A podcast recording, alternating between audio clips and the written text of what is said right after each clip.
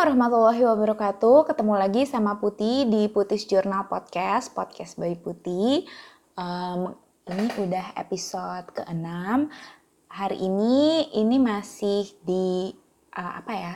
Uh, rubrik uh, podcast ibu-ibu dan kali ini seperti yang uh, udah aku sampaikan di podcast sebelumnya, sekarang aku mau ngebahas soal time management untuk yang kemarin mungkin ketinggalan, aku mau sedikit nge-summary-kan bahwa kemarin ini uh, di episode 5 kita ngebahas soal productivity. Bahwa sebenarnya apa sih yang disebut produktif? Produktif itu adalah ketika kita menghasilkan sesuatu yang sudah kita rencanakan sebagai uh, bagian dari goals atau tujuan kita. Jadi kalau ada yang bilang bahwa, aduh aku di rumah aja nih ngurusin anak-anak nggak produktif dong. Ya enggak juga, karena kan ada ibu-ibu, ibu rumah tangga seperti ibuku, dia itu memang visionnya adalah mendidik anak dengan sebaik-baiknya sehingga misalnya memang spend time di rumah untuk ngajarin anak, untuk um, mendidik anak-anak, ngajakin anak-anak, um, mengajarkan anak-anak hal-hal yang baik, ya menurut aku itu tetap uh, ciri-ciri ibu-ibu produktif. Jadi di yang sekarang ini kan kita lebih mau ngebahas soal time management. Kemarin aku juga udah bilang bahwa time management ini tuh sebenarnya akan nyambung banget sama produktivitas. Kenapa? Karena si time management ini adalah bagian dari uh, bagaimana kita mengelola waktu yang ada untuk mencapai si visi kita atau purpose kita atau goals kita uh, tahun lalu aku pernah bikin workshop journaling for productivity dan di sana aku juga semakin belajar dan semakin mempraktekkan bahwa yang namanya membagi waktu itu bukan hal yang bisa ada pakemnya. Jadi kayak kadang-kadang aku suka ditanyain, "Mbak, gimana sih bagi waktunya?" gitu. Uh, sebenarnya pembagian waktu ini adalah hal yang personal karena apa? Karena kan kondisi setiap orang beda-beda. Aku dalam kondisi sekarang mungkin nge-share aku sebagai working at home mom atau ibu yang bekerja di rumah. Sementara mungkin Teman-teman yang nanya adalah yang mungkin working mom atau mungkin full stay at home mom atau ibu rumah tangga tapi nggak punya support system seperti nanny atau asisten rumah tangga. Nah itu kan tentu aja beda tuh gimana cara bagi waktunya. Nah makanya aku sekarang lebih mau ngomongin eh, tahapan-tahapan uh, saat kita mau menentukan pembagian waktu atau manajemen waktu.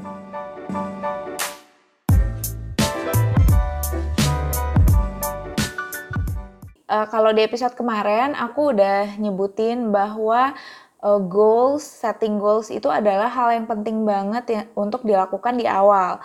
Um, kenapa? Karena setelah kita punya goals, kita akan menentukan priority atau skala prioritas. Lagi-lagi prioritas setiap orang beda-beda. Ada yang mungkin uh, prioritasnya uh, seimbang nih antara rumah dan karir. Mungkin ada yang merasa oh uh, kalau untuk dirinya ya mungkin dia mau lebih ke uh, mungkin ke karir dulu karena mungkin anak-anaknya udah besar gitu dan dianggap sudah bisa mandiri gitu. Nah, itu kan beda-beda ya. Nah, kemudian dari kita menentukan skala prioritas ini baru kita ngejadiin at, uh, baru kita membuat to-do list. To-do list itu sebenarnya nggak hanya harian sih, bisa juga bulanan atau bisa juga tahunan gitu. Jadi urutannya adalah setelah setting goals, setting priority, baru setting to-do list. Aku nggak, uh, mungkin aku bisa sharing contoh di aku.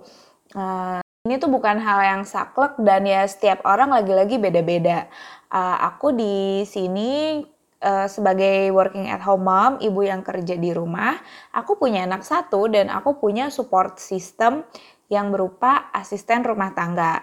Lalu ada catatan lain di mana aku punya orang tua yang rumahnya dekat sekali dari rumah aku. Jadi kita beda rumah tapi satu komplek.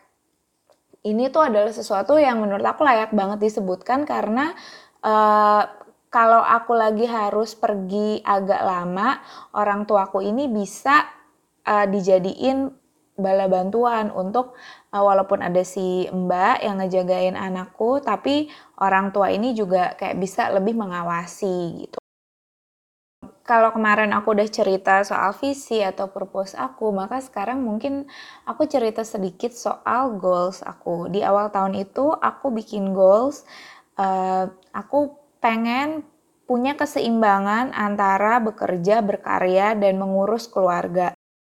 Nah, di sini bisa aku bilang bahwa uh, berarti aku harus memprioritaskan berkarya Contohnya ya aku menyebut diri aku sebagai blogger, kerjaan aku sebagai blogger konten kreator yang artinya membuat konten atau mungkin bikin komik itu adalah hal yang aku masukkan ke dalam priority list aku dan masuk ke dalam to-do list aku sehingga apa pun yang aku lakukan ya berarti aku harus mendedikasikan waktu untuk itu gitu.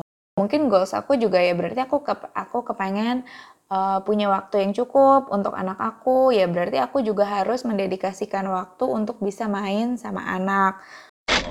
Itu tadi aku. Jadi kita balik lagi ke urutannya nih. Pertama punya vision atau purpose, lalu setting goals, lalu ngatur priority list, lalu bikin to-do list, dan yang menurut aku penting banget dalam time management adalah do it efficiently.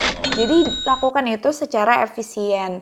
Karena kenapa uh, kalau aku pribadi ini lagi-lagi aku ngomong aku pengalaman pribadi aku sebagai working at home mom, apalagi kerjaan aku ini memang yang berhubungan dengan industri kreatif seperti nulis, gambar.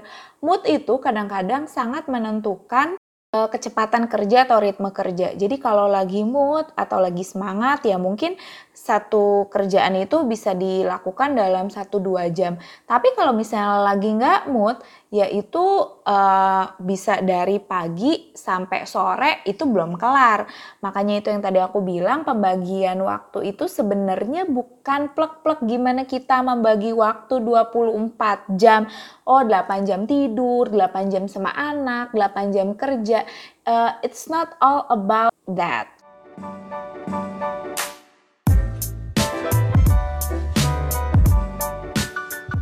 Nah, jadi apa aja sih yang harus di-manage uh, yang sangat berhubungan sama time management?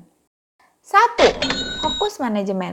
Ketika tadi aku cerita soal bagaimana mengerjakan sesuatu itu perlu dilakukan secara efisien, uh, itu karena aku mengalami sendiri yang tadi aku bilang bahwa kalau yang kerjaan kalau lagi mood, kalau lagi semangat, itu aku bisa mungkin mengerjakan misalnya sesuatu itu dalam waktu 1 sampai 3 jam.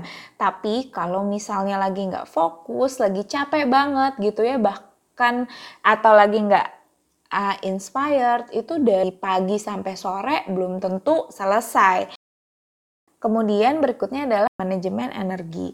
Sekali lagi, uh, aku ngomong juga dari pengalaman aku, misalnya aku lagi nggak ada mbak lagi, misalnya Mbak Tuti ini lagi pulang kampung. Aku punya 24 jam untuk melakukan semua hal, ya kerjaan rumah, kerjaan aku sebagai freelancer, ngurusin anak, dan melakukan hobi gitu. Uh, itu walaupun misalnya kita mau secara teoritis kita ngomong, oh ya udah bangun aja lebih pagi, terus tidur lebih lambat gitu, mungkin begadang.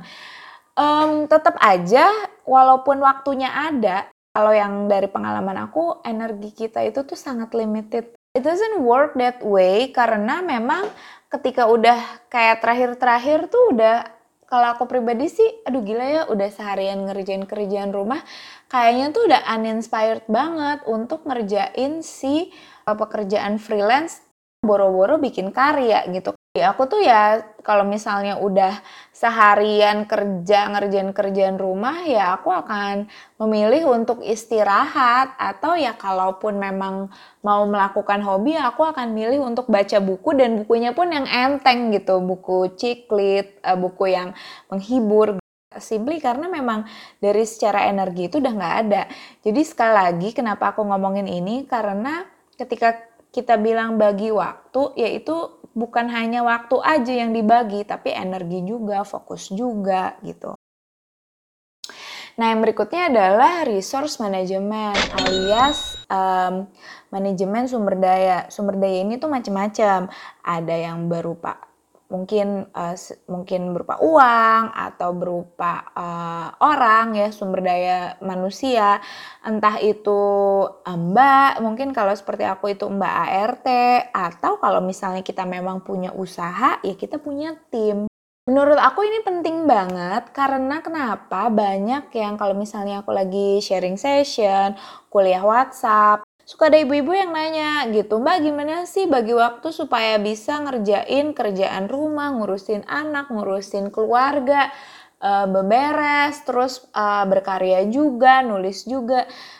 Pas aku tanya gitu, Mbak emang punya anak berapa? Punya asisten rumah tangga atau enggak di rumah? Terus ya kayak, anak aku dua, satu toddler, satu baby, uh, dan ya aku nggak ada asisten. Ya I'm sorry to say, bukannya aku gimana, tapi kalau misalnya memang dengan kondisi yang seperti itu, ya wajar aja kalau misalnya kita memang merasa nggak punya waktu untuk berkarya. Mau disempet-sempetin kayak apa juga, ya susah juga nyari energi atau fokusnya gitu. Nah makanya uh, aku tuh suka ini teman-teman nih mau nanya soal bagi waktu atau gimana caranya supaya bisa jadi superhero. And then a hero comes along with the strength to carry on. Karena kalau yang dari yang pengalaman aku nggak bisa gitu. Ya udah capek kalau udah ngerjain kerjaan rumah, apalagi punya baby, punya toddler gitu just be realistic. Yang kadang-kadang aku suka kayak nggak habis pikir ibu-ibu tuh suka kayak memiliki angan-angan mau kerja dari rumah atau kayak mau punya banyak karya tapi nggak mau anak dipegang sama orang lain atau nggak mau anaknya nonton TV atau misalnya tetap mau semuanya masakan homemade nggak mau catering gitu um, ya aku nggak ya mungkin ada yang bisa melakukan itu semua gitu tapi kalau aku pribadi sih merasa itu bukan hal yang kalaupun memang bisa dilakukan itu nggak sehat karena benar-benar nyaris nggak akan punya waktu untuk istirahat. Sementara istirahat itu adalah salah satu elemen yang paling penting untuk bisa menjaga kesehatan dan mood kita sebagai ibu-ibu. Tapi kalau misalnya ada yang bisa, please kontak aku, kita ngobrol di podcast ini gimana sih caranya bisa membagi energi dengan sedemikian waktu. Eh, dengan sedemikian rupa. Karena kalau aku pribadi, ih gila banget sih. Kalau yang bisa kayak gitu tuh hebat banget.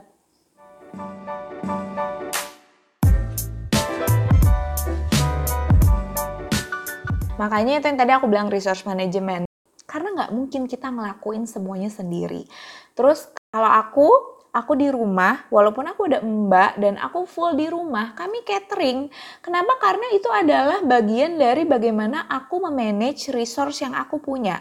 Aku punya pemasukan dan aku punya mbak di rumah, tapi aku juga punya anak yang harus diurusin sama si mbak ketika aku kerja.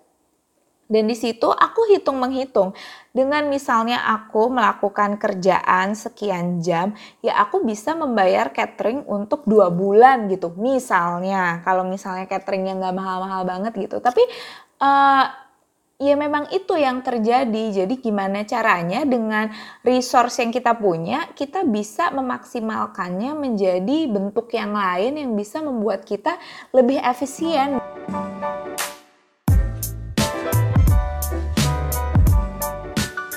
Jadi kalau misalnya aku boleh ngasih tips nih soal time management ke ibu-ibu uh, supaya juga tetap happy dan punya waktu istirahat, satu just be realistic. Itu yang tadi aku bilang panjang lebar bahwa uh, kita nggak mungkin ngelakuin semuanya sendirian perfectly. Itu kata kuncinya menurut aku. Kita nggak mungkin melakukan semuanya sendirian dan dengan sempurna. Uh, you get some, you lose some. Setiap keputusan itu pasti ada impact-nya. Uh, mungkin kita kita bisa berkarya tapi mungkin anak nggak terus-terusan sama kita gitu mungkin anak kita uh, ya mungkin anak benar-benar kita didik uh, sesuai dengan idealisme kita tapi ya mungkin di sisi lain kita kekurangan waktu untuk aktualisasi diri kita terus yang berikutnya adalah jangan nunda-nunda kerjaan. Ini aku tahu teorinya tapi aku pribadi sebenarnya masih sering melakukan procrastination ya atau nunda-nunda kerjaan. Jadi kayak aduh kalau ada kerjaan nanti aja deh agak-agak mepet deadline. Sekarang ngapain dulu ngapain dulu? Sebenarnya jangan nunda-nunda ini tuh adalah kerja, uh, adalah sesuatu yang simple yang sederhana yang mungkin semua orang udah tahu. Tapi seberpengaruh itu itu jadi begitu ada moodnya begitu ada waktunya dan begitu tahu ada ada kerjaan yang harus kita lakukan lakuin langsung karena semakin ditunda-tunda, semakin numpuk, semakin males ngerjainnya. Nah, berikutnya adalah hindari distraksi. Seperti yang sebelumnya aku udah pernah bahas, kadang-kadang sebenarnya waktu itu ada, tapi entah kita pakai buat apa. Uh, kita nge-scroll-scroll akun gosip, ngeliatin komen-komen selebritis gitu ya. Emang sih kadang-kadang itu hiburan ya. Aku pribadi juga nggak mau munafik kadang-kadang kayak apa sih ini yang terkini. Tapi Sekali lagi, kalau misalnya lagi banyak kerjaan, if you want to do your uh, task in your to-do list efficiently, mendingan uh, memang hindari deh distraksi, unfollow yang kayak sejenis lambe-lambe itu karena nggak ada habisnya. Terus um, tips berikutnya mungkin adalah keep your goals and vision on view. Jadi um, jadi sebenarnya kadang-kadang kita itu saking banyaknya kegiatan, saking banyaknya distraksi, uh, kita tuh jadi suka lupa kita tuh mau ke mana, apa sih yang mau kita tuju gitu. Dan menurut aku penting banget untuk terus mengingat apa sih tujuan kita. Karena kalau enggak, eh kita bisa sangat amat mudah zaman sekarang berbelok terdistraksi ke mana-mana gitu. Jangankan time management, fokus manajemen aja sekarang susah dengan distraksi yang sebanyak ini gitu. Jadi mungkin bisa masang apa ya di rumah gitu ya mungkin ada di post it note atau apa kayak kita tahu aja gitu goals kita apa tahun ini kita pengen ngapain atau um, target kita mau ngapain gitu. Dan mungkin tips terakhir adalah surround yourself with positive and productive people. Ya kadang-kadang ketika kita lagi aduh males ya males ngapa-ngapain ya tapi kita dikelilingi oleh teman-teman yang mungkin produktif yang positif yang memang selalu bergerak selalu berprogres untuk mencapai goalsnya kita tuh jadi keinget gitu. Mungkin itu bisa jadi hal yang menekan atau ya you know it can be a bit depressing. Ya itu pinter-pinter kita untuk tahulah kondisi kita. Mungkin ada saat kita down banget ya, mungkin kita jangan terlalu ngeliat orang-orang yang produktif gitu ya. Just cheer ourselves up. Tapi kalau misalnya memang kita merasa lagi butuh disemangatin untuk gerak lagi, untuk produktif lagi ya kalau menurut aku nggak ada salahnya untuk mengelilingi diri kita atau minta semangat dari orang-orang di sekitar kita yang memang positif dan produktif.